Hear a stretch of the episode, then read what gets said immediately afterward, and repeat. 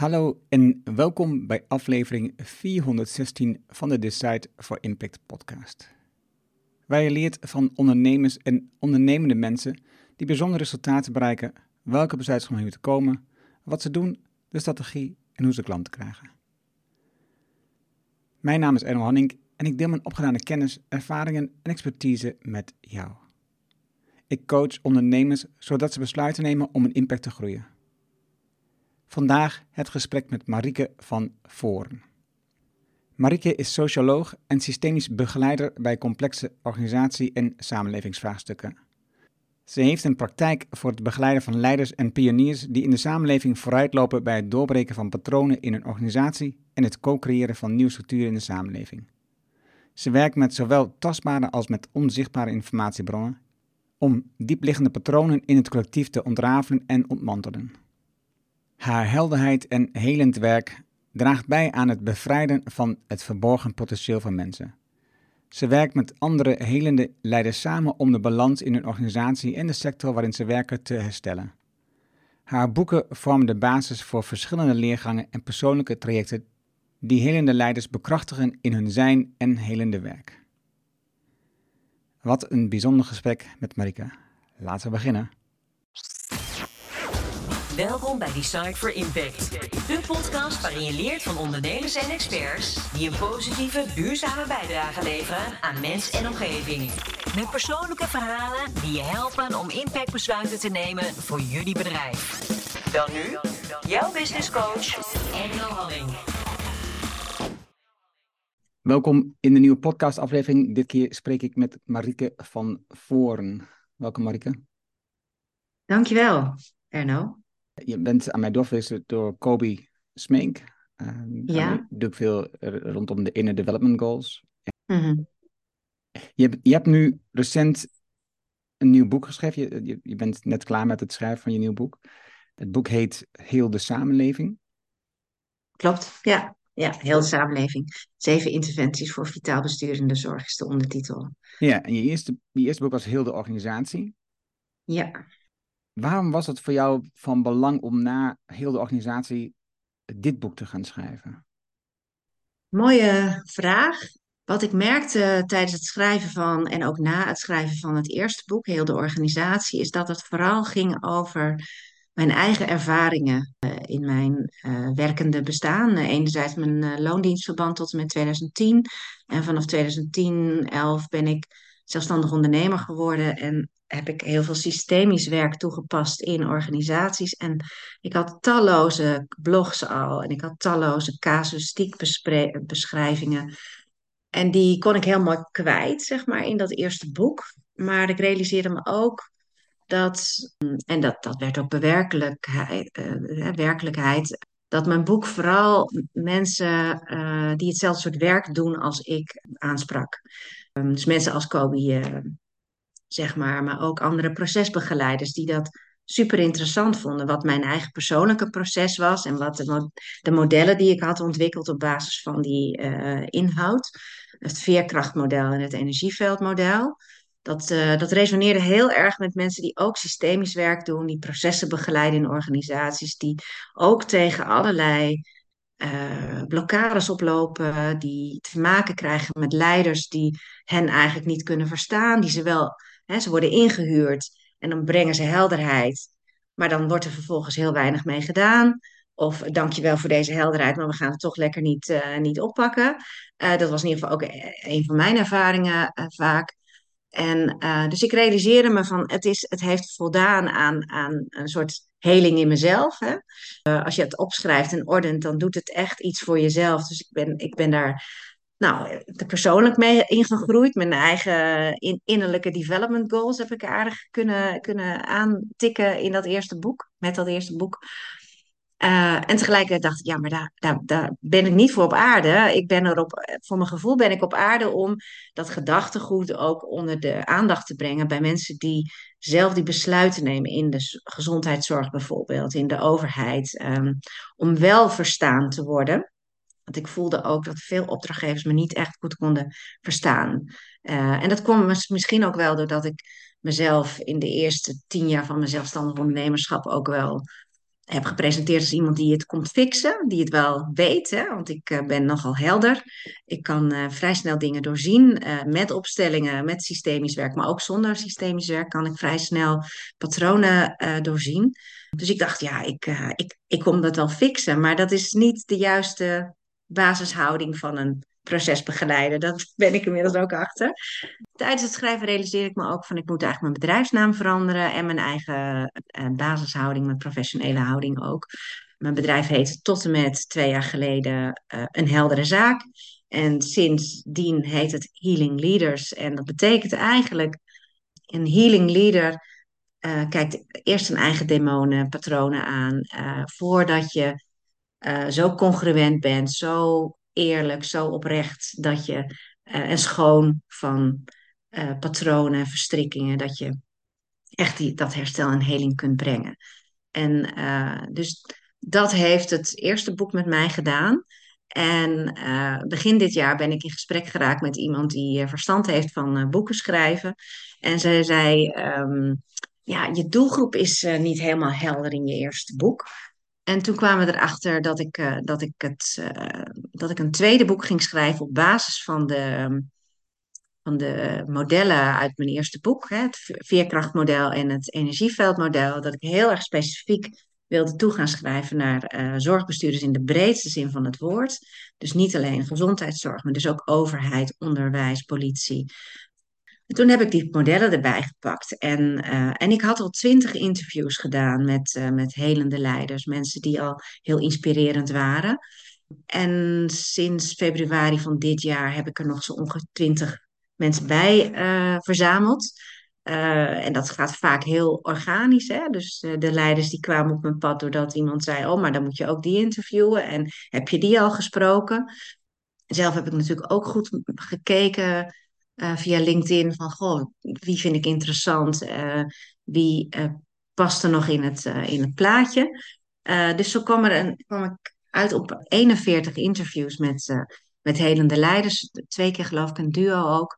En die interviews die pasten heel mooi in, die, in dat model met die, met die zeven interventies, met die zeven energievelden. Toen dat vanaf februari, maart echt zo klikte, zeg maar, in me, toen dacht ik, oh, nu snap ik wat ik wat ik wil gaan schrijven. En nu is het niet meer over Marieke, maar nu is het over hen en voor hen. En, en niet meer eh, over Marieke en voor mezelf. En voor een heleboel andere procesbegeleiders die tegen dezelfde proces, uh, uh, problemen aanlopen. maar echt voor de samenleving. En ehm, nou, mijn uitgever, de, de uh, was voor mijn eerste boek, maar nu ook voor mijn tweede boek uh, mijn uitgever. En uh, Gerard Bolte, de, de uitgever, zei van, goh, waarom ga je het niet heel de samenleving noemen? En ik moest bekennen dat ik dat al eerder had bedacht, maar ik dacht, nou, het is wel een beetje groot en een beetje mislepend en misschien wat overdreven. Maar uiteindelijk, omdat hij het zei en het eigenlijk ook wel, ja, ja, het was wel hilarisch op het moment dat, dat het zo te sprake kwam. Toen dacht ik, ja, dat ga ik gewoon doen. En omdat het zo groot was, hè, het onderwerp samenleving, heb ik ook expliciet nog um, mensen uit woningbouwcorporaties, politie, uh, onderwijs, uh, zorg, in de allerbreedste zin van het woord erbij gehaald. Zodat het ook echt een heel groot deel van de samenleving bestrijkt. Is dat een beetje antwoord op je vraag? Want ik ga maar door. Ja, maar is, eh, natuurlijk is het antwoord op mijn vraag. En, en, ja. en, dat is dus het mooie van een gesprek hebben, is dat je dus, uh, en niet voorbereide vragen hebben zoals ik het altijd doe, is dat je dus mm-hmm. dan vertel je zoveel waar ik weer informatie uit haal en denk van, oh ja, dat is interessant om te denken van, waar, waar, waarom kies je dan daarvoor? En een van de vragen die ik nu heb is, dus naar aanleiding van je eerste boek krijg je te horen dat je doelgroep niet duidelijk is. Aan zich logisch, want je hebt het vooral over jezelf en voor jezelf geschreven. Ja, nou, onbewust, hè? Want ik, ik, schreef, ik, schreef natuurlijk over al die casussen. Maar als ik heel eerlijk ben, was het ook een soort verwerkingsproces van hoe komt het toch dat, uh, dat, ik, dat ik zoveel helderheid breng, maar dat het vaak niet, niet gehoord wordt of, de, of liever uh, dismissed wordt. En ik realiseerde me van, ik, ik werk, ik heb onbewust steeds gekozen voor, voor opdrachtgevers, um, klanten die me niet uh, die, die wilde dat ik iets kan fixen. En dat kwam ook omdat ik dat ook zei: van nou ja, ik, uh, ik kan het wel fixen omdat ik het kan verhelderen voor je.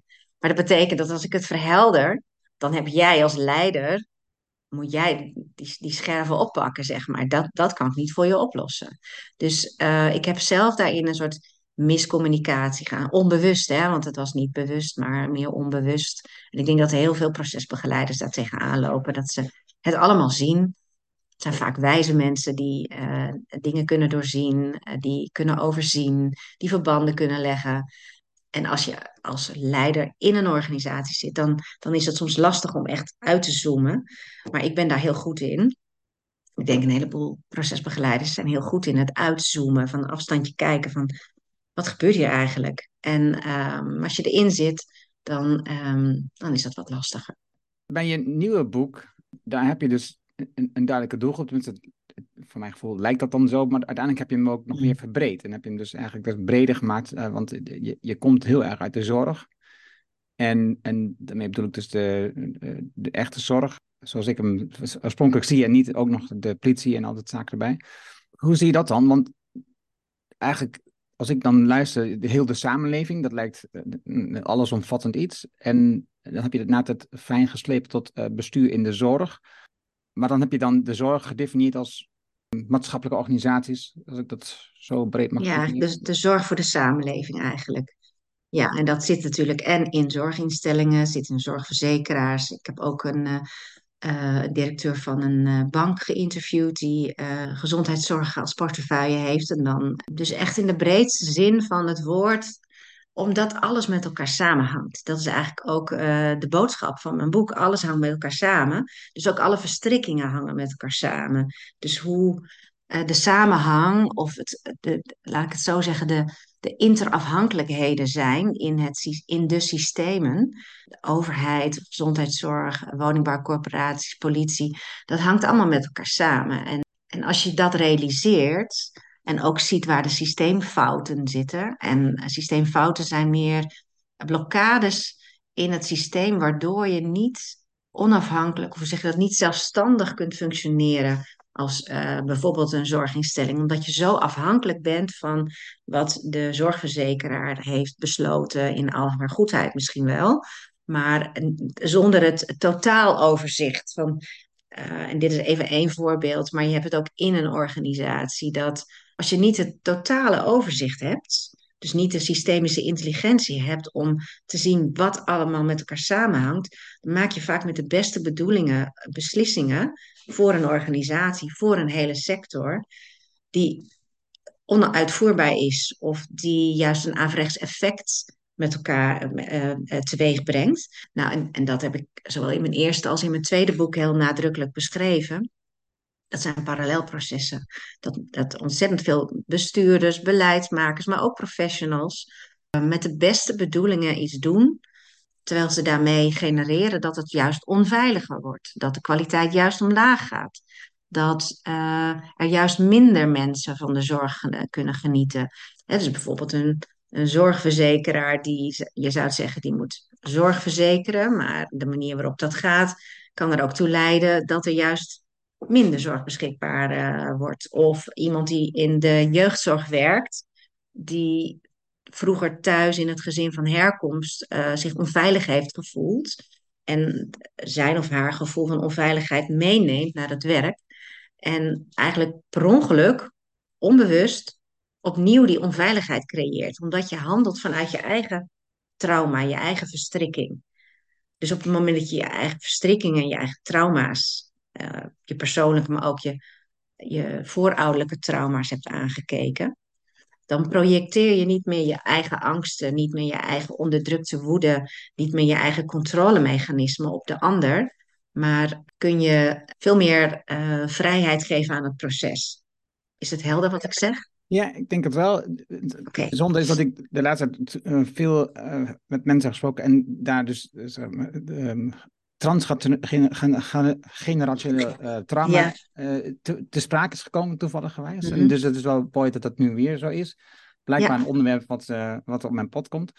Ja, en, en wat ook echt wel nu naar de, naar, de, naar de surface komt, hè? Naar, de, naar de oppervlakte komt. en dat, dat patronen komen altijd voort uit nou, uit je eigen leven, maar ook uit dat, van je voorouders. En als je dan naar de samenleving kijkt, dan ook nog naar wat hebben wij als Nederlanders uitgespookt in eh, bijvoorbeeld in, vanaf de 17e eeuw, zeg maar. Eh, daar, ik, ik heb echt koloniale patronen beschreven in, in mijn boek. Ehm, van horen zien en zwijgen, een ander eh, wegzetten, monddood maken. Eh, nou, er zijn er heel veel verschillende patronen die je vandaag de dag eigenlijk nog steeds terugziet, alleen op een andere manier. En we worden niet meer weggezet op Robben-eiland omdat we eh, niet, niet braaf meedenken met, of niet, niet ons gedragen zoals de kapitein van het schip dat wil. Maar eh, we zagen in de coronatijd wel dat er mensen werden weggezet. Ehm, als eh, wappies of als corona- of eh, wetenschapsontkenners of wat dan ook. Hè? Dus eh, buitengesloten werden van het openbare leven. Dat is, dat is een patroon wat ergens terug te vinden is in onze, in onze geschiedenis. En op het moment dat je daar bewust van wordt, ja, be- be- bewustzijn maakt eigenlijk dat je, dat je andere keuzes gaat maken. En dat je je eigen trauma's niet meer projecteert op een ander, maar juist naar binnen gaat kijken van hé, hey, wacht eens even. Wat doe ik eigenlijk? Wat voel ik hier eigenlijk bij? En waar, waar, zit mijn eigen angst of waar zit mijn eigen onderdrukte woede? En op het moment dat je dat geprocessed hebt, hoef je niet meer dat uit te dragen naar een ander. En op het moment dat je bestuurder bent van een zorginstelling, heeft dat nog veel meer impact dan dat je een arts bent of een verpleegkundige in een zorginstelling. Dus dan je, je, je scope is veel groter. Dus op het moment dat je een helende leider bent op een bestuurspositie of een beleidspositie of een politieke positie, ja, dan heeft dat een enorm helend effect voor heel de samenleving.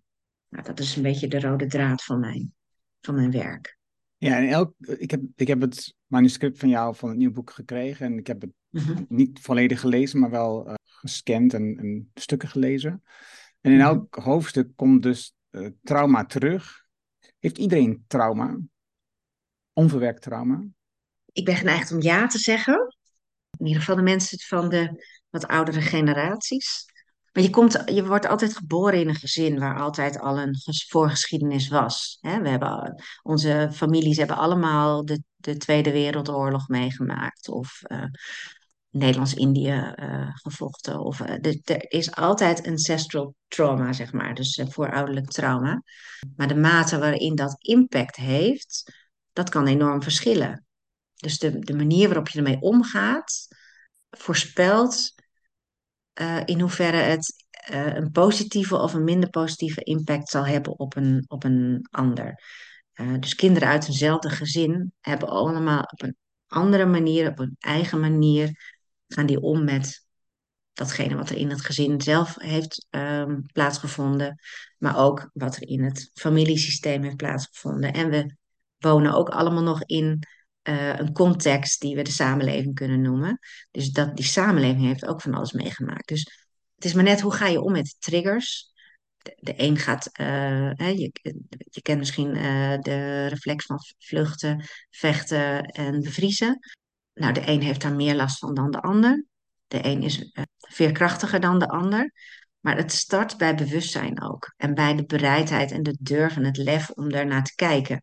Als je gewend bent om eh, dat je ouders alles buiten zichzelf neerlegden, dan ben je misschien zelf ook geneigd om dat te doen. Of juist het tegenovergestelde. Dus het, het, het is niet te voorspellen. Het is geen wetenschap van als je, als je in een gezond gezin eh, wordt geboren, dan komt het altijd goed. Ik begin bijvoorbeeld mijn eigen hoofdstuk, of mijn inleiding van, het, van mijn boek, begin ik eigenlijk bij, bij mijn eigen geboorte. Nou, daar hadden mijn ouders, eh, die hebben daar niet, die hebben daar geen trauma op eh, bij, bij mij teweeggebracht. Maar wat er gebeurde in het ziekenhuis, en ik heb eens rondgevraagd, uh, mensen van mijn eigen generatie, en ik ben 53, dat het vaker zo ging, dat, je, uh, dat de, de vaders op de gang stonden en, en niet bij de geboorte mochten zijn. Mijn moeder was in dit geval urenlang alleen, zwanger van mij, aan het bevallen van mij, in ieder geval in het voorstadium daarvan. Helemaal alleen. Toen ik vervolgens ter wereld kwam, ben ik vrijwel meteen bij haar weggehaald. Ik was kerngezond, mijn moeder was kerngezond. Mijn vader stond kerngezond op de gang.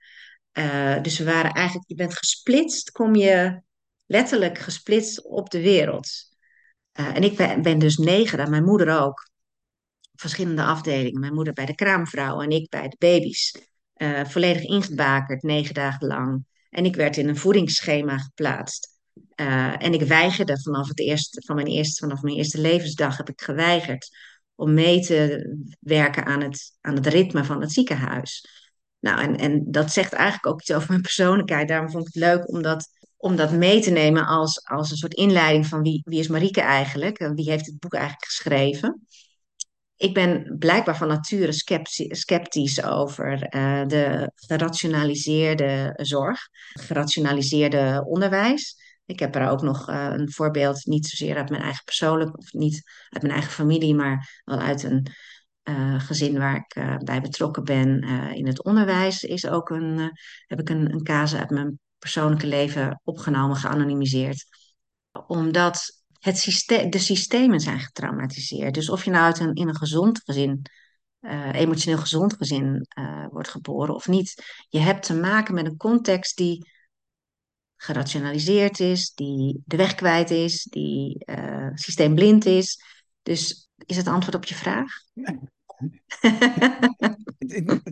Van mij is denk ik het belangrijkste om gewoon steeds verder te duiken in het verhaal. Want wat mij nu bezighoudt, is jij bent in het eerste boek aan de slag gaan met, nou, met onze eh, kolonisatie, met ons koloniale verleden. Je hebt ook onderzoek eh, bezig met nou, ervaringen rondom het uh, Portugees, het uh, Spaanse, het Engelse. Natuurlijk niet alleen Nederland, maar die zijn al de westerse wereld. Als ik kijk naar de, de toekomst waar de wereld naartoe gaat, hè, en dan kijk ik vooral naar uh, het milieu, naar ecologie, naar biodiversiteit of fossiele brandstoffen, allemaal dat soort zaken. Dan wordt er vaak gekeken naar de oorspronkelijke volkeren, de, de inheemse volkeren. Mhm. Omdat hij toch, en ik leg zo de link uit die ik hierin zie, hè, voor duidelijkheid. Mm Omdat die toch ergens zo'n sterk fundament hebben in het samenwerken met de aarde, met de moeder natuur, met uh, de producten uh, nemen die je nodig hebt en niet meer dan dat. En dus een veel bescheidener levensstijl hebben, veel meer in een, mm. in een, in een kleinere samenleving leven. Um, ja. Veel duidelijker overgaan van, van jeugd naar volwassenheid. Dus er zijn heel veel elementen in waarvan we met elkaar eigenlijk zeggen dat is eigenlijk een hele goede vorm om te leven. Ja. Als je daar naar kijkt, hè, en ook zeker in mhm. combinatie met die kolonisatie, wat zie jij dan hoe zij omgaan met trauma? Hoe, hoe, hoe doen, als, je dat, als je dat weet, ik weet niet of je dat onderzocht of je daarmee bezig bent geweest, maar hoe zie jij dat zij dat doen dan? Als wij, als, en ook de, die systemische organisaties, die, die zijn denk ik veel kleiner of minder of niet aanwezig, maar hoe zie je dat?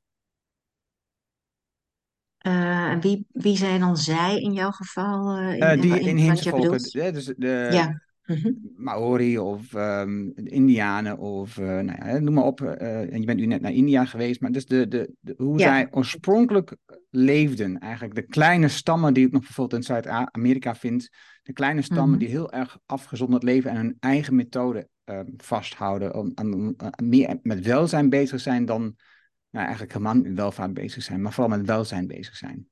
Ja, um, mooie vraag. Ik heb in mijn boek um, heb ik het veel over circulaire vormen, cirkels, um, circulaire besluitvormingen bijvoorbeeld, waarbij zeggenschap van, uh, van iedereen wordt meegenomen in uh, bijvoorbeeld uh, hoe je een ouderenzorginstelling laat functioneren op een gezonde manier. dat is eigenlijk een het voorbeeld in hoofdstuk 5 gaat over uh, kleine cirkels uh, van besluitvorming. Dus er, wordt een, een grote bloedsomloop, een soort grote cirkel die elke maandag bij elkaar komt in, dus bij Zuidoostzorg in, uh, in Friesland. Waarbij eigenlijk vertegenwoordigers van de hele organisatie, een achttiental mensen, elke week bij elkaar komen. Die nemen besluiten over onderwerpen die worden aangedragen door henzelf, door mensen uit uit de organisatie. En iedere keer wordt dat opnieuw getoetst van uh, past het nog binnen de context? Want als de context verandert, zul je misschien ook de besluiten moeten aanpassen. Dus een hele natuurlijke manier van, van besluiten nemen. En uh, de bestuurder uh, gaf ook aan van ja, we zijn wel, ik en mijn collega, we zijn wel bestuurders, we zijn wel eindverantwoordelijk, maar tegelijkertijd, ik heb geen zeggenschap meer over hoe we het hier gaan doen. We doen dat met z'n achttienen. Enerzijds met z'n achttienen. Vervolgens gaf ze aan van besluit, besluiten die we nemen worden ook nog uh, in de operatie en uh, dus op operationeel vlak worden die nog eens getoetst aan de werkelijkheid. Klopt dit? Is het toe te passen of is het bij de ene doelgroep moeten we het anders doen dan bij de andere doelgroep? En dan is er ook nog een gremium met paramedici dus, en medici, die dan vanuit die invalshoek opnieuw kijken naar de besluitvorming. Van klopt het? Dus iedere keer zijn er kleine cirkels besluitvorming en iedere keer komen uh, dingen die niet kloppen, die worden opnieuw bekeken. Dingen die wel kloppen, die blijven bestaan. En dit proces heeft 15 jaar geduurd, heb ik begrepen. En dat komt enerzijds doordat het uh, heel nieuw was. En anderzijds omdat de context gewoon uh, heel gerationaliseerd is. Heel piramidaal is ingericht, zou ik maar zeggen. Of heel koloniaal zou je het bijna kunnen zeggen. Dus naarmate je ziet dat een, een samenleving gewend raakt aan kleinere uh, gremia die samen iets beslissen, of je dat nou in een, in een wijkteam doet, of je doet het in een ouderenzorginstelling of in een ziekenhuis, dan zie je dat dat, dat, dat, dat, dat, werkt. En, um, en, dat, en dat, dat kost heel veel investering, investering in persoonlijke ontwikkeling, dus dan heb je die IDG's eigenlijk weer, maar ook inhoudelijk. Uh, maar vooral die persoonlijke ontwikkeling is ontzettend belangrijk, omdat je zo in, in onze samenleving, onze westerse samenleving, zo'n zo'n codependency hebt. En dat is de, de afhankelijkheid, die, een, het ongezonde afhankelijkheid van elkaar. Dat komt omdat we gewend zijn om. Ja, noem eens zo'n zo zo onafhankelijkheid en schets eens zoiets dat, je dat, dat we dat beter begrijpen wat jij bedoelt. Nou, bijvoorbeeld als je kijkt naar de zorgsector, heb je een, uh, een, een van oudsher een, um, een uh, verhouding tussen dokters en verpleegkundigen, tussen dokters en patiënten, tussen uh, bestuurders en de, de operationele werkvloer. Um, heel hiërarchisch. En er is al wel ontzettend veel water door de zee gegaan, door de, door de Rijn gegaan, waardoor het al veranderd is. Maar eigenlijk zit het nog diep in ons DNA dat, er, dat, dat, we toch willen dat een ander het voor ons oplost. dat de andere meer opleiding heeft dus. en dus meer zeggenschap. Terwijl dat zeggenschapsmodel, wat, wat eigenlijk heel uh, vanuit de inheemse bevolking uh, is ontstaan, maar je ook al af en toe ziet in, in, uh, in, de, in de zorgsector, maakt dat, dat iedereen gelijkwaardig is. Dus het gaat over gelijkwaardigheid. Ons DNA, ons menselijk DNA, is dat we menselijk zijn en dat we gelijkwaardig zijn. En dat ieder zijn eigen unieke blauwdruk heeft en zijn eigen unieke inbreng heeft. Maar dat betekent niet dat de een meer waard is dan de ander. En als ik naar mijn eigen werk kijk, in, bijvoorbeeld in organisaties en voor teams, dan zie je dat, um, en dat is systemisch werken, met, uh, ik werk vaak met opstellingen. En een opstelling is een soort tableau vivant waarbij je heel helder zichtbaar krijgt hoe het systeem functioneert. En vaak is het een soort splijtbom, dat je overal mensen ziet staan die iets vertegenwoordigen uit het systeem. Maar uiteindelijk met de interventies die ik dan doe, zorg ik altijd dat het een cirkel wordt. En, dat, en, en een cirkel is een, is een plek waar, als je een plek hebt in de cirkel, dan heb je altijd kijk op iedereen. Uh, en je hebt een gelijkwaardige positie, of je nou een bestuurder bent, of een HR-manager, of een medewerker, een arts, een verpleegkundige of een politieagent. Iedereen heeft een gelijkwaardige plek in zo'n echt zo'n oorspronkelijke vorm want daar heb je het eigenlijk over, als ik het zo begrijp. Die inheemse culturen, zoals de Maori's, die overigens ook nog in mijn boek terugkomen in een, eh, in, uh, God, hoe heet het ook alweer? Zo'n welzijnsmodel. Nou, ik kom er even niet op, maar dat komt straks misschien wel. Zelf ben ik net in India geweest. Daarin schreef ik bijvoorbeeld over de heilige koe.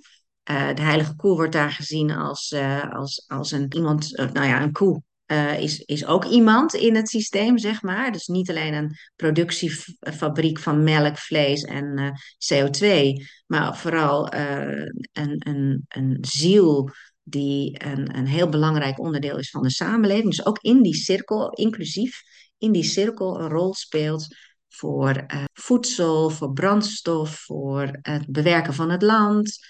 Zo waren er nog een paar taken van, van de koe. Maar daar zie je dus dat dieren en mensen allemaal een gelijkwaardige positie. Wel een andere, een eigen unieke positie hebben, maar wel een gelijkwaardige positie. En ik denk dat dat is de samenleving waar we naartoe gaan. En, en nu zijn we helemaal uit het verband gerukt en is die gelijkwaardigheid vaak ver te zoeken. En uh, de verschillen tussen uh, arm en rijk ook. Die zijn in de afgelopen decennia ook alleen maar groter geworden. En ik denk dat ehm, dat, dat dat nu, hè, dat dat oude systeem op het instorten staat, of eigenlijk al aan het instorten is. En dat er al eh, tegelijkertijd een heleboel mensen opstaan die voelen van, hé, hey, wacht even, ik, ik ben dan wel arts of ik ben wel verpleegkundig, maar ik wil niet op die manier in het systeem functioneren. Ik wil mijn vak uitoefenen, ik wil mijn missie, mijn passie toepassen. En die gaan iets nieuws neerzetten. Er zijn zo ontzettend veel nieuwe initiatieven. En dat zijn ook allemaal weer kleine cirkels eigenlijk. Hè? Dus eh, allemaal kleine Maori-cirkels, allemaal kleine dorpjes uh, die uh, hun eigen impact weer gaan, gaan maken. Dus als ieder dat doet, dan, dan, dan, dan schuurt dat ook langzamerhand weer tegen elkaar en werkt, werkt dat weer samen met elkaar. En dan niet vanuit die piramide, maar vanuit de gelijkwaardigheid en de circulariteit. En uh, circulariteit betekent natuurlijk ook dat datgene wat niet meer werkt, dat je daar afscheid van neemt. Um, en dat is een heel natuurlijk proces. Dus het proces van leven en dood, letterlijk, van mensen uh, en dieren uh, en planten. Maar ook van, hey, deze planten zijn dood. Daar gaan, we mee, daar gaan we mee stoppen. En we gaan ruimte geven aan datgene wat wel nodig is. Wat we gaan experimenteren. Uh, dus dat vastgeroeste aan dingen vasthouden die niet meer werken. Daar, ja, dat, dat, is in een ecologisch systeem of in zo'n inheems systeem, is dat een natuurlijk proces van, van afscheid nemen en ruimte creëren voor iets nieuws. Ja. Dus, en ja, ik, ik ben ook, ik ben zelf uh, in, in de afgelopen 30 jaar ben ik over de hele wereld geweest en heb ik inheemse bevolkingen gezien. Ja, die, die, werk, die wonen natuurlijk ook in een context die, uh, die, die Tenminste, de grotere context is ook heel gerationaliseerd. Ehm, dus dat is ook veel overleven. Maar ik denk dat het belangrijk is dat we toegaan naar een systeem waarbij het overleven weer teruggaat naar het leven. En in een gezonde verhouding met de dood. Zeg maar, even letterlijk en figuurlijk. De dood, ja. Kom eens op terug. Je hebt zelf laten we even teruggaan in, in, in jouw geschiedenis. Mm Sociologie gestudeerd. Ja.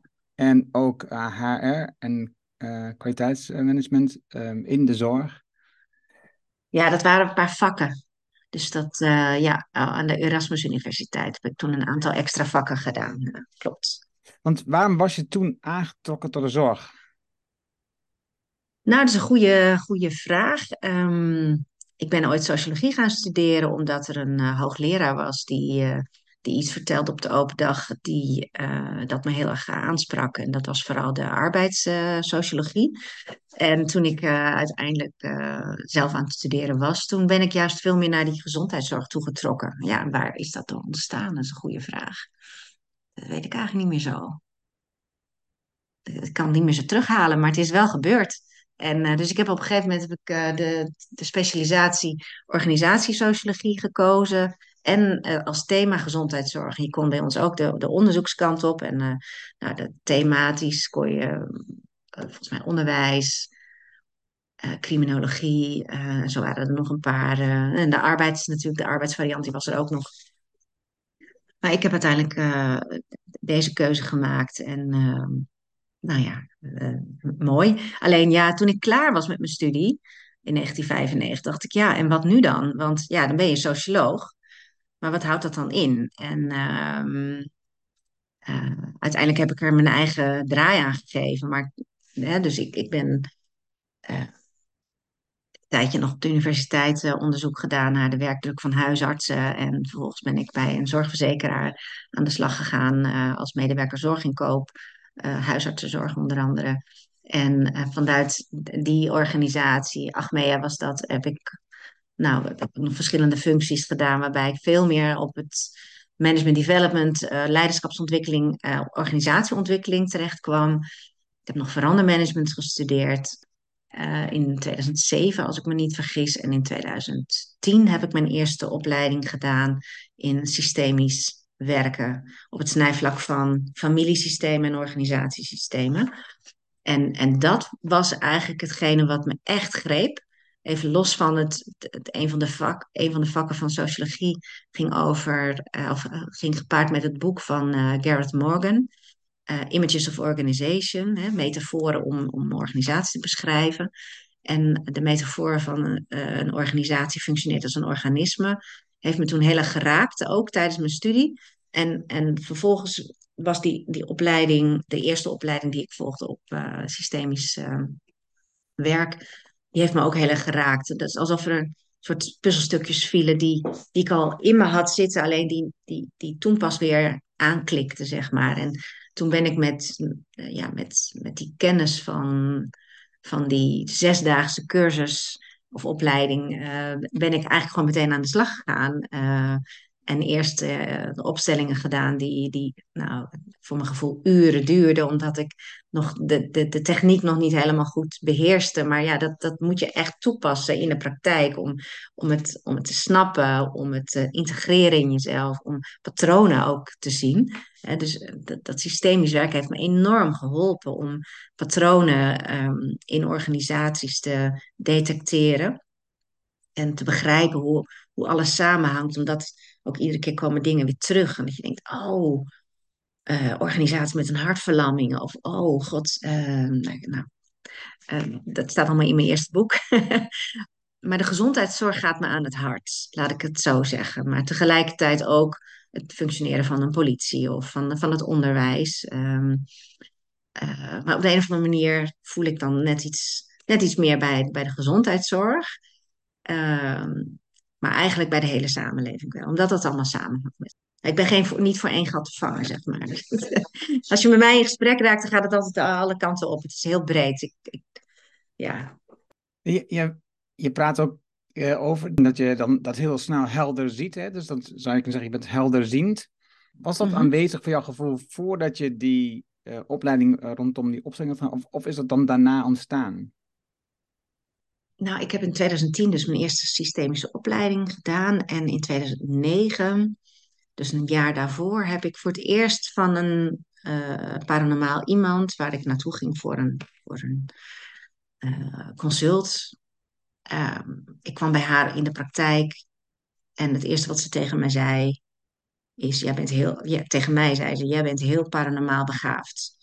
En ik had eigenlijk geen idee wat ze, wat ze bedoelde. Uh, ik kwam daar ook niet voor. Ik had een hele andere vraag. Maar daar kwam zij dus mee. En uh, ik kon daar ook op dat moment helemaal niks mee. Uh, maar goed, ik had ook in datzelfde jaar, in 2009, mijn eerste familieopstelling ondergaan. Dat was een cruciaal jaar voor mij, denk ik. Toen was ik 39. Dat is voor heel veel mensen wel een cruciaal jaar. Dus daar is wel iets geraakt bij mij. En toen, in 2010, ben ik dus die opleiding gaan volgen ja, en, en, en dat vrij snel meteen gaan toepassen. En die dame die mij betichtte van paranormaal begaafdheid, die heb ik, uh, heb ik een, flink aantal jaren regelmatig bezocht. Uh, omdat ze het wel, het, het, intrigeerde me wat ze zei. En ze zei ook dingen waar, die wel meteen klikten. Dat ik echt dacht, ja, hoe weet je dat? En zij was zelf natuurlijk ook paranormaal begaafd.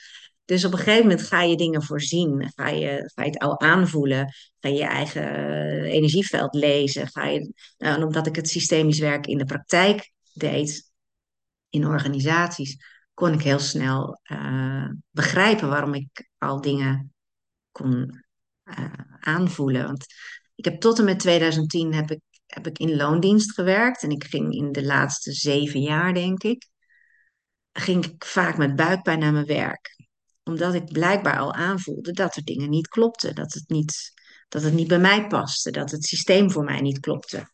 Uh, en dat ik het niet helemaal kon duiden, maar dat ik er vaak wel boos of gefrustreerd over uh, raakte.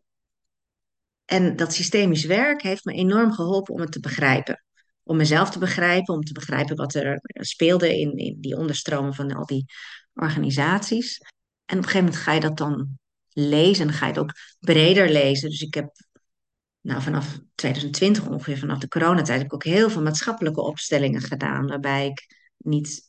Uh, ik, kon, ik kon toen geen organisatie meer in, omdat alles was hermetisch afgesloten. Maar uh, um, ik kon wel met allerlei andere mensen uh, maatschappelijke opstellingen doen om te duiden van waar, in wat voor wereld leven we nu eigenlijk. Wat is er eigenlijk echt aan de hand? Ik voelde wel van hier klopt iets niet helemaal, helemaal niet. En zo ben ik ook op die koloniale patronen terechtgekomen, omdat die eigenlijk keer op keer terugkwamen in maatschappelijke opstellingen. Van, en als je een vraag hebt die over het nu gaat, ga je onderzoeken van waar, waar zit het, waar zit het, waar komt het vandaan. En dan kom je in de diepere krochten van, van de samenleving terecht. Uh, en in dit geval kwam ik dus vaak bij koloniale patronen, of bij ons eigen koloniale verleden, of bij uh, de, de, Tweede Wereldoorlog, of bij het ontstaan van uh, bepaalde organisaties uit. Um, nou ja, zo, ja, zo spelenderwijs eigenlijk, uh, peil je steeds verder af wat er in en onder ons systeem zit. In je eigen systeem. Dat, dat proces, dat, dat is een parallel proces, dat naarmate je zelf schoner en zuiverder wordt in je waarnemingen, doordat je jezelf laat afpellen. Hè? Dus ik, ik ben niet alleen maar andere mensen aan het afpellen. Ik word ook regelmatig ga ik zelf uh, naar iemand toe om. Uh, ik heb een heel team, bij wijze van spreken, van mensen waar ik uh, met enige regelmaat naartoe ga of ben gegaan om dingen te kunnen duiden, om mezelf energetisch op te schonen. Dus naarmate je zelf schoner wordt um, en minder gefrustreerd, minder boos, minder verdrietig, maar eigenlijk veel meer met een neutraliteit kunt beschouwen, kun je veel uh, ja, beter een, een helende leider zijn voor een ander, omdat je geen oordelen meer hebt. De oordelen verdwijnen. Nu, jij praat daar je hebt daar veel meer gewerkt, dus voor jou is het een heel normale zaak, hè? Ja. en nu, je komt dan in het begin bij die zorgorganisaties terecht, die vrij hiërarchisch georganiseerd zijn, die vertrouwen op hun artsenopleiding, op um, wat ze kennen vanuit de biologie, vanuit de opleiding, vanuit het denken, vanuit het uh, neurale, zeg maar. Dus, dus, dat je echt bezig bent met, uh, met het overdenken van situaties. Ja. En, en zie je ook in de verzekering van de zorgverzekeraarswereld, zeg maar.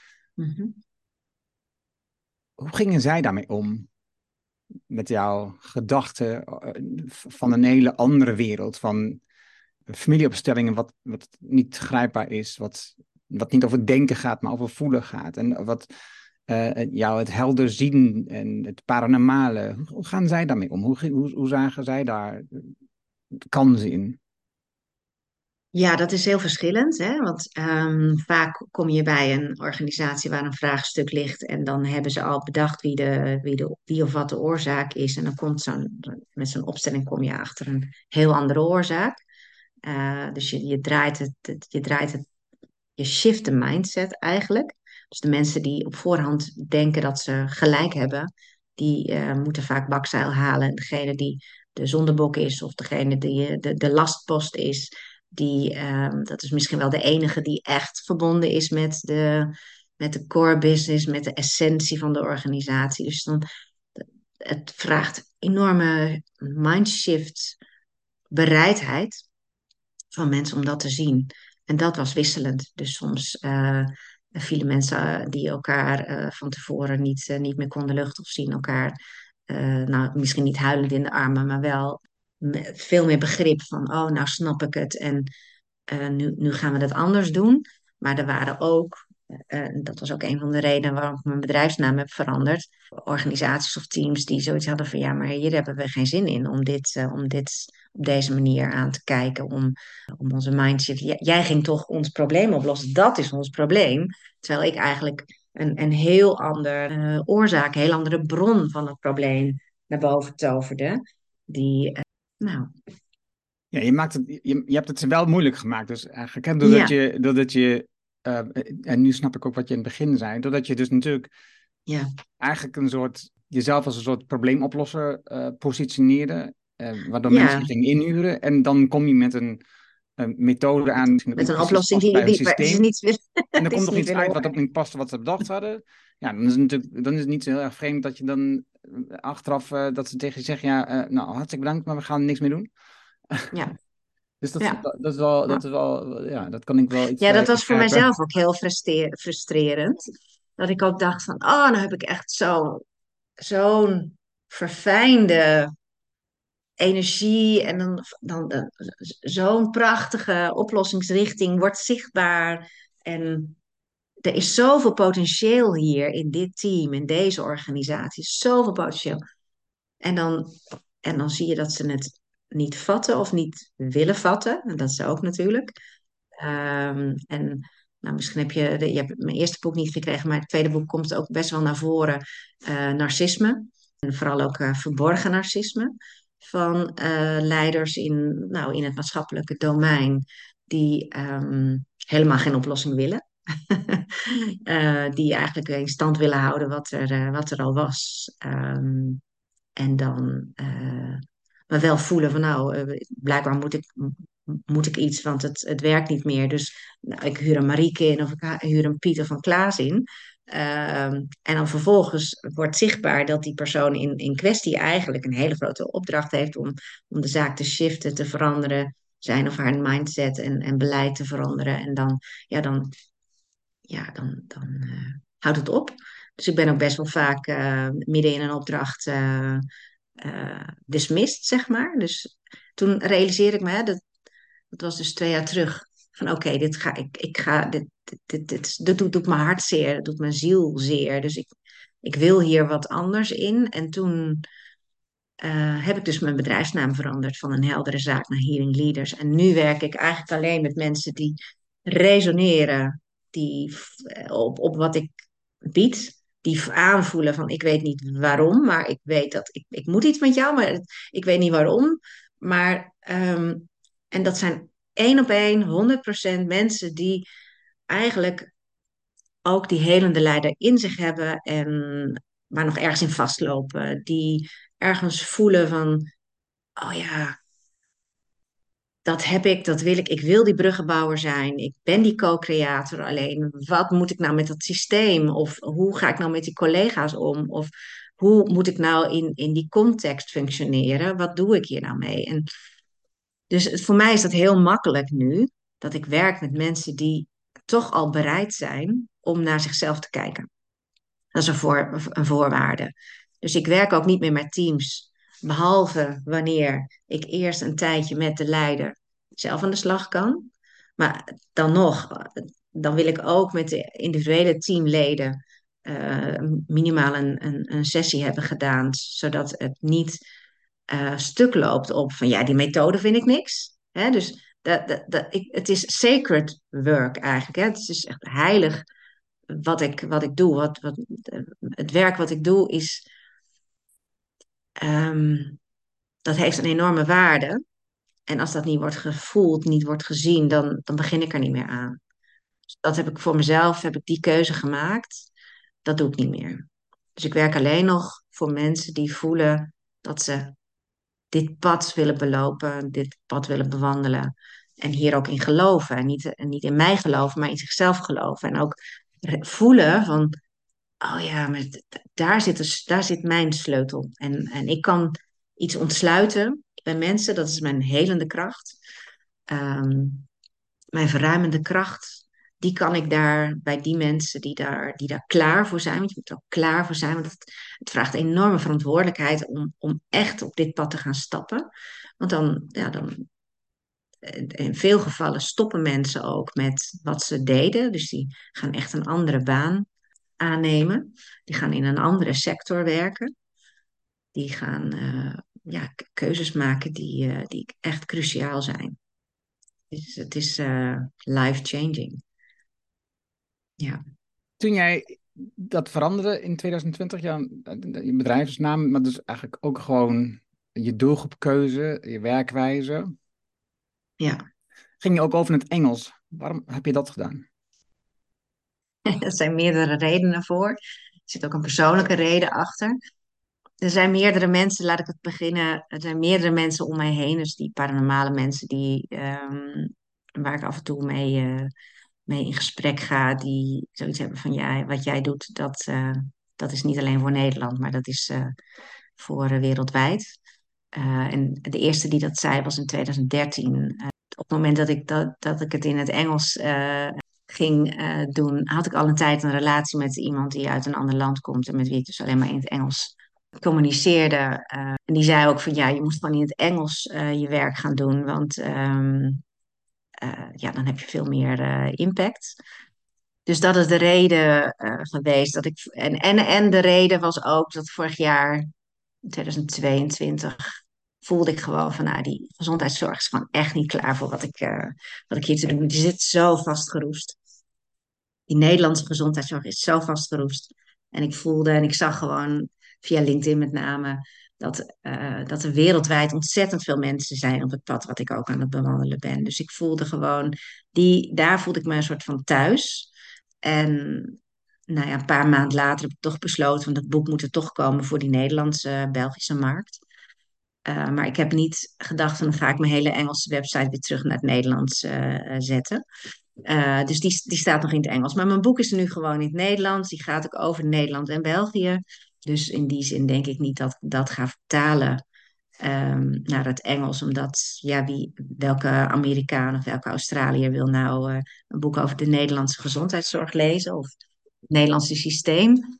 Maar goed, de, de reden dat ik, dat ik uh, in het Engels communiceer op mijn website en op LinkedIn, of soms op LinkedIn, is dus dat het een universele beweging is die er gaande is.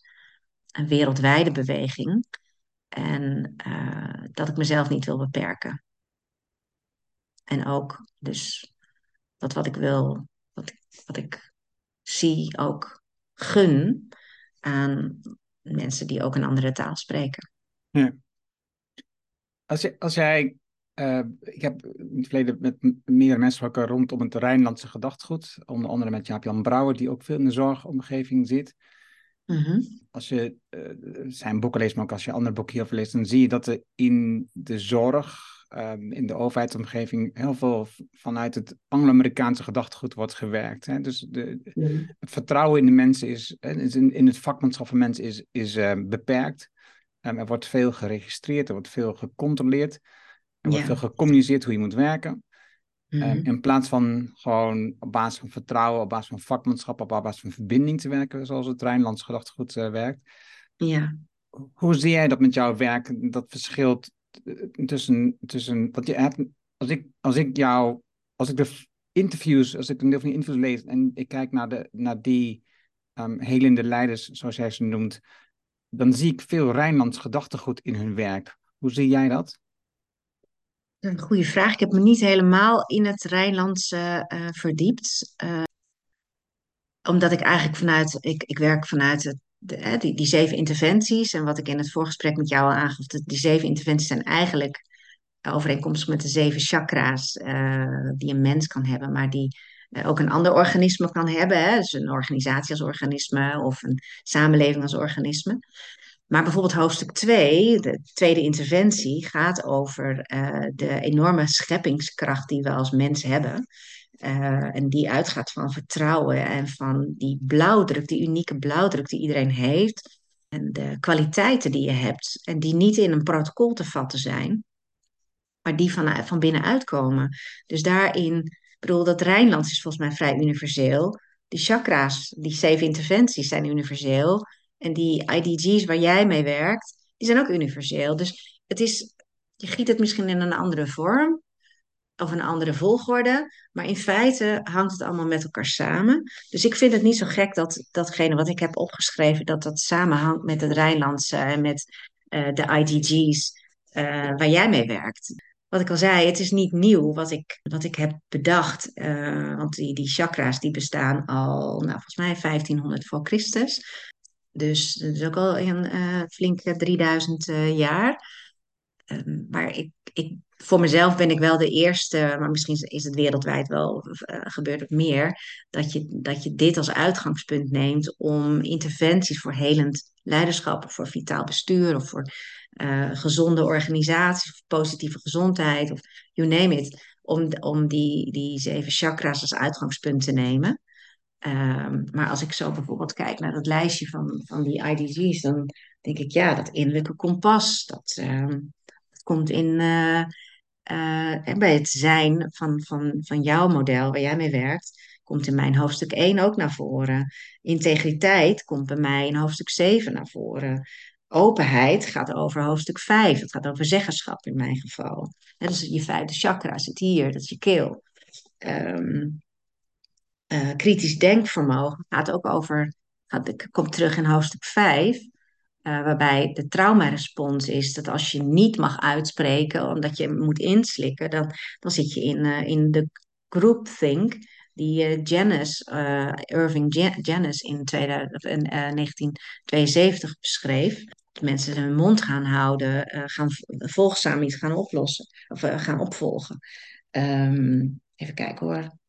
Uh, empathie en compassie is uh, wat, wat bij jou in het model bij verbinden staat. Dat is bij mij hoofdstuk 4. Dat gaat over uh, het hart, over, je, over moed, over veerkracht. Nou, zo kan ik wel doorgaan. Hè? Dus ik denk dat alles samengrijpt met elkaar. Alleen, ja, de een noemt dit model en de ander dat model. En voor mij is dit heel erg samenhangend. Die chakra's, die zijn voorwaarden scheppend voor elkaar. Dus die zeven interventies, die zijn voorwaarden scheppend.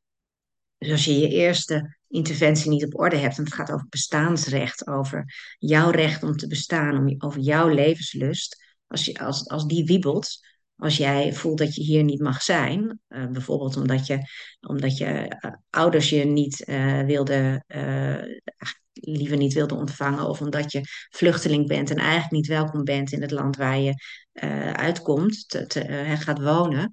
Als, als dat eerste chakra al uit balans is, dan raakt alles uit balans.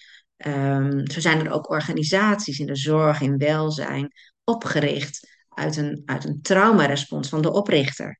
Um, omdat hij of zij of zij samen uh, voelden dat ze niet erkend werden, dat ze, niet, uh, dat ze geen bestaansrecht hadden. Dus als een organisatie wordt opgebouwd op een, op een trauma eigenlijk, dan gaat die hele organisatie die blijft wiebelen.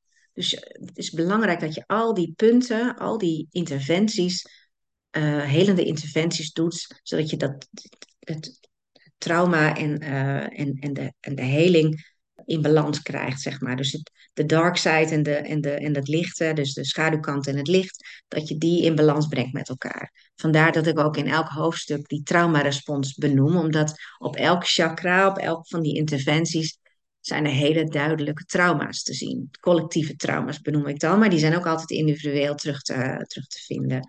Dus um, ja.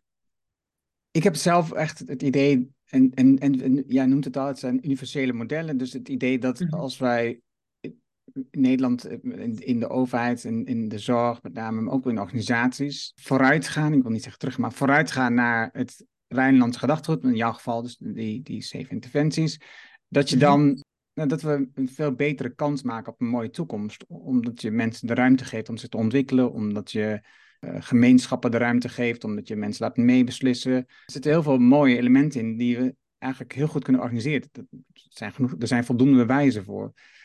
Ja. Wat is er volgens jou nodig om ervoor te zorgen dat um, uh, zorgorganisaties um, gaan werken met, jou, met jouw gedachtegoed, of met het Rijnlandse of met de IDG's, maar dat maakt niet uit, hè? Mm -hmm. Nou, wat ik je hoor zeggen is uh, vooruitgaan, hè? Ik denk dat uh, van belang is dat, dat er juist naar binnen wordt gegaan. Dus die, die IDG's gaat ook over innerlijke development goals. Hè? Dus het gaat over innerlijk. Healing Leader gaat ook over innerlijk. Nou, Rijnlands organiseren waarschijnlijk ook. Dat moet ik even nachecken. Maar uh, het gaat erom dat je wortelt in jezelf. Of het nou gaat om jou als dokter, als bestuurder, als, uh, als, of als organisatie of als systeem. Het gaat erom dat je teruggaat naar die essentie. Wie ben ik? Wat kom ik hier doen op aarde? En dat je dus niks meer bij een ander belegt, uh, niks meer buiten jezelf neerlegt, maar dat alles terug te herhalen, te, terug te herleiden is naar je eigen wortels en je eigen blauwdruk. En dat je van daaruit, van binnenuit, iets creëert. En dat kan alleen maar als je je eigen bestaan erkent. Want ik mag hier zijn. Ik heb hier iets te brengen. En dat je, daar, dat, je dat ook accepteert. En dat je dus niet, als je verpleegkundige bent, niet die arts wil zijn. En als je politicus bent, dat je niet nou ja, iets anders kunt zijn. Maar in ieder geval dat je, dat je echt tevreden bent, uh, waarachtig bent met, met wie je bent. dit is wie ik ben, dit is wat ik heb te, te brengen. En ik denk dat daar een belangrijke taak ligt voor leiders en bestuurders, beleidsmakers in, in, het, in het maatschappelijke domein, om, om die vrede, die innerlijke vrede met jezelf, te begeleiden daar naartoe, naar, die, naar, dat, naar dat innerlijke. En niet meer naar, we gaan een nieuw beleid, we gaan iets nieuws uh, ontwikkelen. Maar nee, terug naar die oorsprong. En dan kom je bij de essentie, dan kom je bij integriteit, coherentie. Ja, dat. En dan word je een, een, een gezond energieveld, wat van nature uh, een gezonde, uh, helende, vredige, verlichtende werking heeft op, op de anderen. Dus dan, dan ben je zelf een energieveld. Maar dat is heel spiritueel wat ik nu zeg, maar dat is wel wat ik heel erg geloof. Betekent dat, je zei het straks al, dat eigenlijk het huidige systeem staat al, is al aan het afbrokkelen. Wat mm betekent dat, dat dat werkelijk nodig is, dat het huidige systeem echt in elkaar stort? Ja, ik denk het wel. Ja, er zijn zoveel oneigenlijke structuren, systeemfouten, weeffouten, you name it. Zoveel verstrikkingen. En dan bedoel ik eigenlijk destructieve patronen. Die, ehm, ja, die, die, die hebben geen, geen voeding meer. De, de voeding daarvan verdwijnt, omdat er zoveel mensen al uit zichzelf, uit die systemen stappen. Dus die voeding, hè, ik heb dat zelf ook wel ervaren, dat, je, dat, dat ik de voeding ben geweest voor, nou, voor die mensen die, die, voor wie ik eerst werkte, een soort voeding van wijsheid. En toch er dan toch te weinig mee, mee willen. Ehm, ik ben daar uitgestapt. Ik ben uit, uit het veld gestapt van ik voed jou. Um, ik denk dat er heel veel mensen zijn die nu veel beter grenzen kunnen stellen aan zichzelf en aan de ander. En dat iedereen uh, wordt uitgenodigd om zijn eigen voeding te zijn, uh, op eigen benen te staan. Uh, en als je op eigen benen kunt staan, kun je ook veel meer geven. En er zijn nemers, heel veel nemers in dat oude systeem. En heel veel gevers. Maar die verhoudingen die liggen verkeerd. Dus geven en nemen moet in balans zijn. Dat is een heel uh, universeel uh, systemisch principe. Geven en nemen moet in balans zijn. Dat is in dat oude systeem, het piramidale of het paternalistische of het narcistische, whatever, uh, is dat heel erg uit balans. En doordat er nu zoveel mensen uit die oneigenlijke verhoudingen stappen, is er geen voeding meer voor diegenen die gewend waren om, om zich te laten voeden, zeg maar. Dus dat stort in. Is eigenlijk een heel natuurlijk iets van het stort in. En tegelijkertijd um, ja, richten een heleboel anderen zich op. En dan komt er vanzelf een soort van balans. En dat is een soort plaatje wat ik al een aantal jaren voor me zie. En, um, en dat is denk ik heel gezond. Dus het oude gaat dood en het nieuwe, en daardoor ontstaat er ruimte voor het nieuwe. En dat is heel pijnlijk, want niet iedereen of niet ieder systeem gaat tegelijkertijd dood of op een, een doodgaan, zeg maar tussen aanhalingstekens, is een heel pijnlijk proces. Transformatie is een ongelooflijk pijnlijk proces en daar kan ik echt wel over meepraten. Dat je echt je eigen demonen in de spiegel moet aankijken. En um, dat is niet leuk, want je wordt geconfronteerd met, je, met keuzes die je hebt gemaakt, met uh, um, met patronen, met afhankelijkheden, met dingen die niet zuiver zijn, die niet eerlijk zijn, die pijnlijk zijn. En daar afscheid van nemen. Ja, dat is en bevrijdend en tegelijkertijd ja, kan heel emotioneel zijn. Dus ik denk dat we een aantal jaren, uh, misschien wel twintig jaar, in een, in, een, in een samenleving zitten waar heel veel verdriet en, en woede en onderdrukte woede en dergelijke wordt, wordt ja, dat, dat wordt getriggerd en dat moet eruit. En, en niet iedereen zal er misschien in mee kunnen gaan, maar ik denk een groot deel van de samenleving kan daar wel in mee. En, uh, of wordt erin meegezogen, uh, wordt erin meegenomen. Uh, en er zijn denk ik heel veel mensen die een soort lichtwerker zijn, die al, al heel veel voorwerk hebben gedaan. Dus ik richt mij in mijn werk vooral op die voorlopers, die, um, um, die, ja, die die brug kunnen zijn naar die hele nieuwe wereld.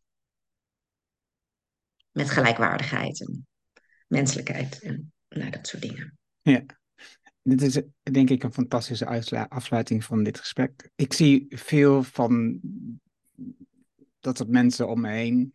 Dat, dat is natuurlijk logisch, als je het opzoekt, dan zie je steeds meer van dat soort mensen. Ja. ja, ja. ja, jij zoekt ze actief op door ze te, te interviewen ook, ja. mij. ja, maar goed, ik kan natuurlijk ook mensen, ik kan natuurlijk mensen interviewen uit het bestaande systeem die daar net altijd aan vast willen houden. Maar dat is niet waar ik me bij, aan, tot aangetrokken voel. Dus het is logisch dat je meer van dat soort mensen spreekt. Mm. En ik denk dat er heel veel ruimte is voor bruggenbouwers, wat je zegt, voor, voor mensen die iets nieuws koken, de, de, onder, de onderstroom. En tegelijkertijd, wat je ook beschrijft, het, het, het, het, zal een hele lastige periode zijn, waar veel van de bestaande systemen die zorgen voor stabiliteit, voor herkenbaarheid, voor rust, ja, dat, die, dat die afbrokkelen en, en dus eh, voor heel veel mensen tot onrust zorgen, omdat ze niet, niet weten hoe ze mee om moeten gaan. En ook niet, ja, niet bereid zijn, is niet het goede woord, maar niet het, het wel bang zijn om dat te onderzoeken, uh, wat dan hun nieuwe rol wordt in dat, in dat proces, in het geheel. Dus het, ja. ja. dat wordt een interessante tijd, zou je kunnen zeggen. Je zou kunnen zeggen dat het ook een spannende ja. tijd, een ingewikkelde tijd. Um, en dat is goed. Het is blijkbaar nodig dat we dat aangaan met elkaar. En um, in mijn ticket in ieder geval, als ik kijk naar de planeet, naar uh, de plek waar we, waar we mogen leven, nou, als we, als we niet snel die verandering ingaan, waar het ingewikkeld wordt voor toekomstige generaties om hier te kunnen blijven leven, sterker nog, uh, ook voor ons, jij en ik, met de huidige generatie, mm. over 30 jaar op natuurlijk nog steeds te zijn, dan zal dat, dan zal dat al waarschijnlijk heel ingewikkeld worden in de huidige, in de huidige natuur. Dus mm. ja, ik denk dat dat niet anders kan, dat we op een bepaald moment wel rustig aan worden geduwd die kant op, omdat, omdat het niet meer anders kan. Ja. En, ja. Ik had laatst het gesprek met Lisa Doeland over haar boek Apocalypse En mm, als je beseft... Interessante titel. Ja. Mm. Maar als je beseft dat de ondergang eigenlijk al gestart is, wat je net ook al schetste. Ja, de ondergang, het is het nou ja, ondergang van het, van het bestaande systeem en daar, daar groeit iets nieuws. Precies. Nee, maar dus elke, is... elke apocalypse zorgt voor dat er iets nieuws ontstaat. Mm. Dat is, dat is, er stopt iets met veel geweld, maar er ontstaat ook iets nieuws. Ja. En dus, mm-hmm. dat betekent dus dat je als je zegt dat het eigenlijk al gestart is, die, die enorme verandering, dan, dan kun je dat accepteren. Dan kun je vanuit die positie kun je aan de slag gaan. Precies. Als je het ook weet, als je, het, als je, als je weet van, oh, maar dit is er aan de hand. En ik hoop ook dat mijn, mijn boek, uh, Heel de Samenleving, dat ook teweeg gaat brengen in in, in het maatschappelijke veld. Van, uh, en ik, ik, kreeg van de. Ik heb een paar uh, zorgbestuurders laten meelezen met het manuscript. Van jij maakt. Hè, dan kreeg ik bijvoorbeeld terug van. Jij maakt het onzichtbare zichtbaar. Nu begrijp ik bepaalde hè, dingen. Uh, begrip is, is enorm helpend om, dit, om deze tijd door te komen. Van als je betekenis kunt geven aan wat er speelt en waarom het speelt, dan kun je veel makkelijker handelen dan dat je in, in angst of in paniek schiet of in boosheid of woede. Uh, daar schiet je niet zoveel mee op. Het is belangrijk dat je het, dat je het ziet voor wat het waard is en dan handelt. En dat is dan punt 5 hè, van de IDG's uh, moed. Wat is het ook alweer? Uh, optimistisch, doorzettingsvermogen, creativiteit, geloof ik. Ja, dus dat je, dat je dus niet blijft hangen in angst, maar dat je voelt van, oh oké, ik snap wat er gebeurt, ik snap wat mijn rol hierin is en dat je dan handelt.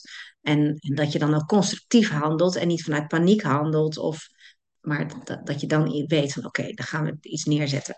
En ik hoop en ik verwacht eerlijk gezegd dat mijn boek dat ook wel gaat brengen. Uh, en het zal ook triggeren, omdat er ook dingen in staan die uh, niet iedereen leuk vindt om te lezen. Als je een helende leider bent, mm, of wilt zijn, dat betekent niet dat je lief, lief, leuk en aardig bent, maar dat je helder bent en dat het duidelijk is wat, wat de bedoeling is, wat er aan de hand is. En dus ik, ik ben super leuk, lief en aardig, maar tenminste, ik geloof dat vrij veel mensen mij wel heel aardig vinden. Maar er zijn ook heel veel mensen, in de afgelopen jaren met name, die mij helemaal niet zo aardig vinden, omdat ik zo helder maak wat, uh, wat er uh, in mijn beleving speelt. En dat niet altijd strookt met, uh, met hoe zij tegen de wereld aankijken.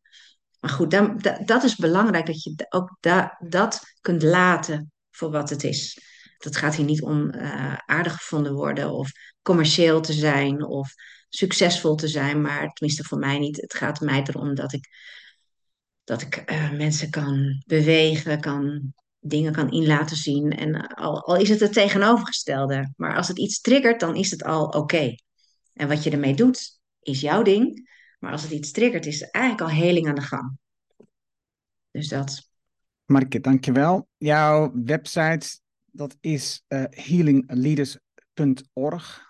Ja, uh, klopt. Dan kunnen mensen dat vinden. Uh, jouw boek, dat komt 23 november, als ik het heb. Ja, precies over drie weken. Ja, 23 november 2023. Dan ja, is het beschikbaar. En ehm, nou, ik wens je daar heel veel plezier mee. Dank je. En dat je maar veel mensen mag laten zien wat de werkelijkheid is, zeg maar, wat ze zelf kunnen ontdekken, zodat ze dat echt Ja. gaan ervaren. En Ja. de- niet de werkelijkheid, maar een werkelijkheid uiteraard. Ja, precies. Het is zeker niet de werkelijkheid. Het, het, het boek nodigt je uit om echt zelf te gaan graven, zelf te gaan zoeken van hoe zit het voor mij? Hoe is het voor mij? Of wat is er nog meer? Het is nog meer uit te zoeken. Het is het topje van de ijsberg. Eh, in ieder geval mijn ijsberg. En ik ben heel benieuwd ook naar andermans ijsbergen. Dus eh, ja, Super, dankjewel daarvoor. graag gedaan. En jij ook heel erg bedankt voor eh, dit leuke gesprek. En eh, nou, ik zou zeggen tot ziens. Dat was het mooie gesprek met Marike. Je vindt de namen en links die we noemden in het artikel dat bij deze uitzending hoort. Ga daarvoor naar de site voor impact.com slash show 416. Wil je vanzelf automatisch de volgende aflevering op telefoon ontvangen? Dat kan heel eenvoudig. Heb je een iPhone, dan zit daar standaard de Apple Podcast app op. Open deze app, zoek daar de Site for Impact podcast op en klik op abonneer. Heb je een Android-telefoon, installeer dan eerst bijvoorbeeld de Player FM app. Zoek daar de Site for Impact podcast op en klik op abonneer. Dankjewel hiervoor. Heb je vragen, opmerkingen of reacties op dit gesprek met Marike of over de podcast in het algemeen? Stuur dan een e-mail naar podcast@decideforimpact.com. Ik hoor heel graag van jou. Wil je leren hoe je focus en energie vindt met jouw innerlijke kompas? Hoe verbinding in je team het verschil maakt? Hoe je vertrouwen krijgt in je collega's en hoe je een moedig mens wordt? Download dan het boek Impact Besluiten waarmee je nieuwe medewerkers aantrekt op de site van impact.com. Dit is mijn nieuwste boek en daarom download je het nu helemaal gratis. Je hebt zelfs geen e-mailadres nodig. Vraag jouw boek nu aan op decideforimpact.com. Je leest het in één avond uit. Dankjewel voor het luisteren en graag tot de volgende. Dankjewel voor het luisteren naar deze aflevering van de Decide for Impact podcast. Ga voor jouw volgende stap naar decideforimpact.com.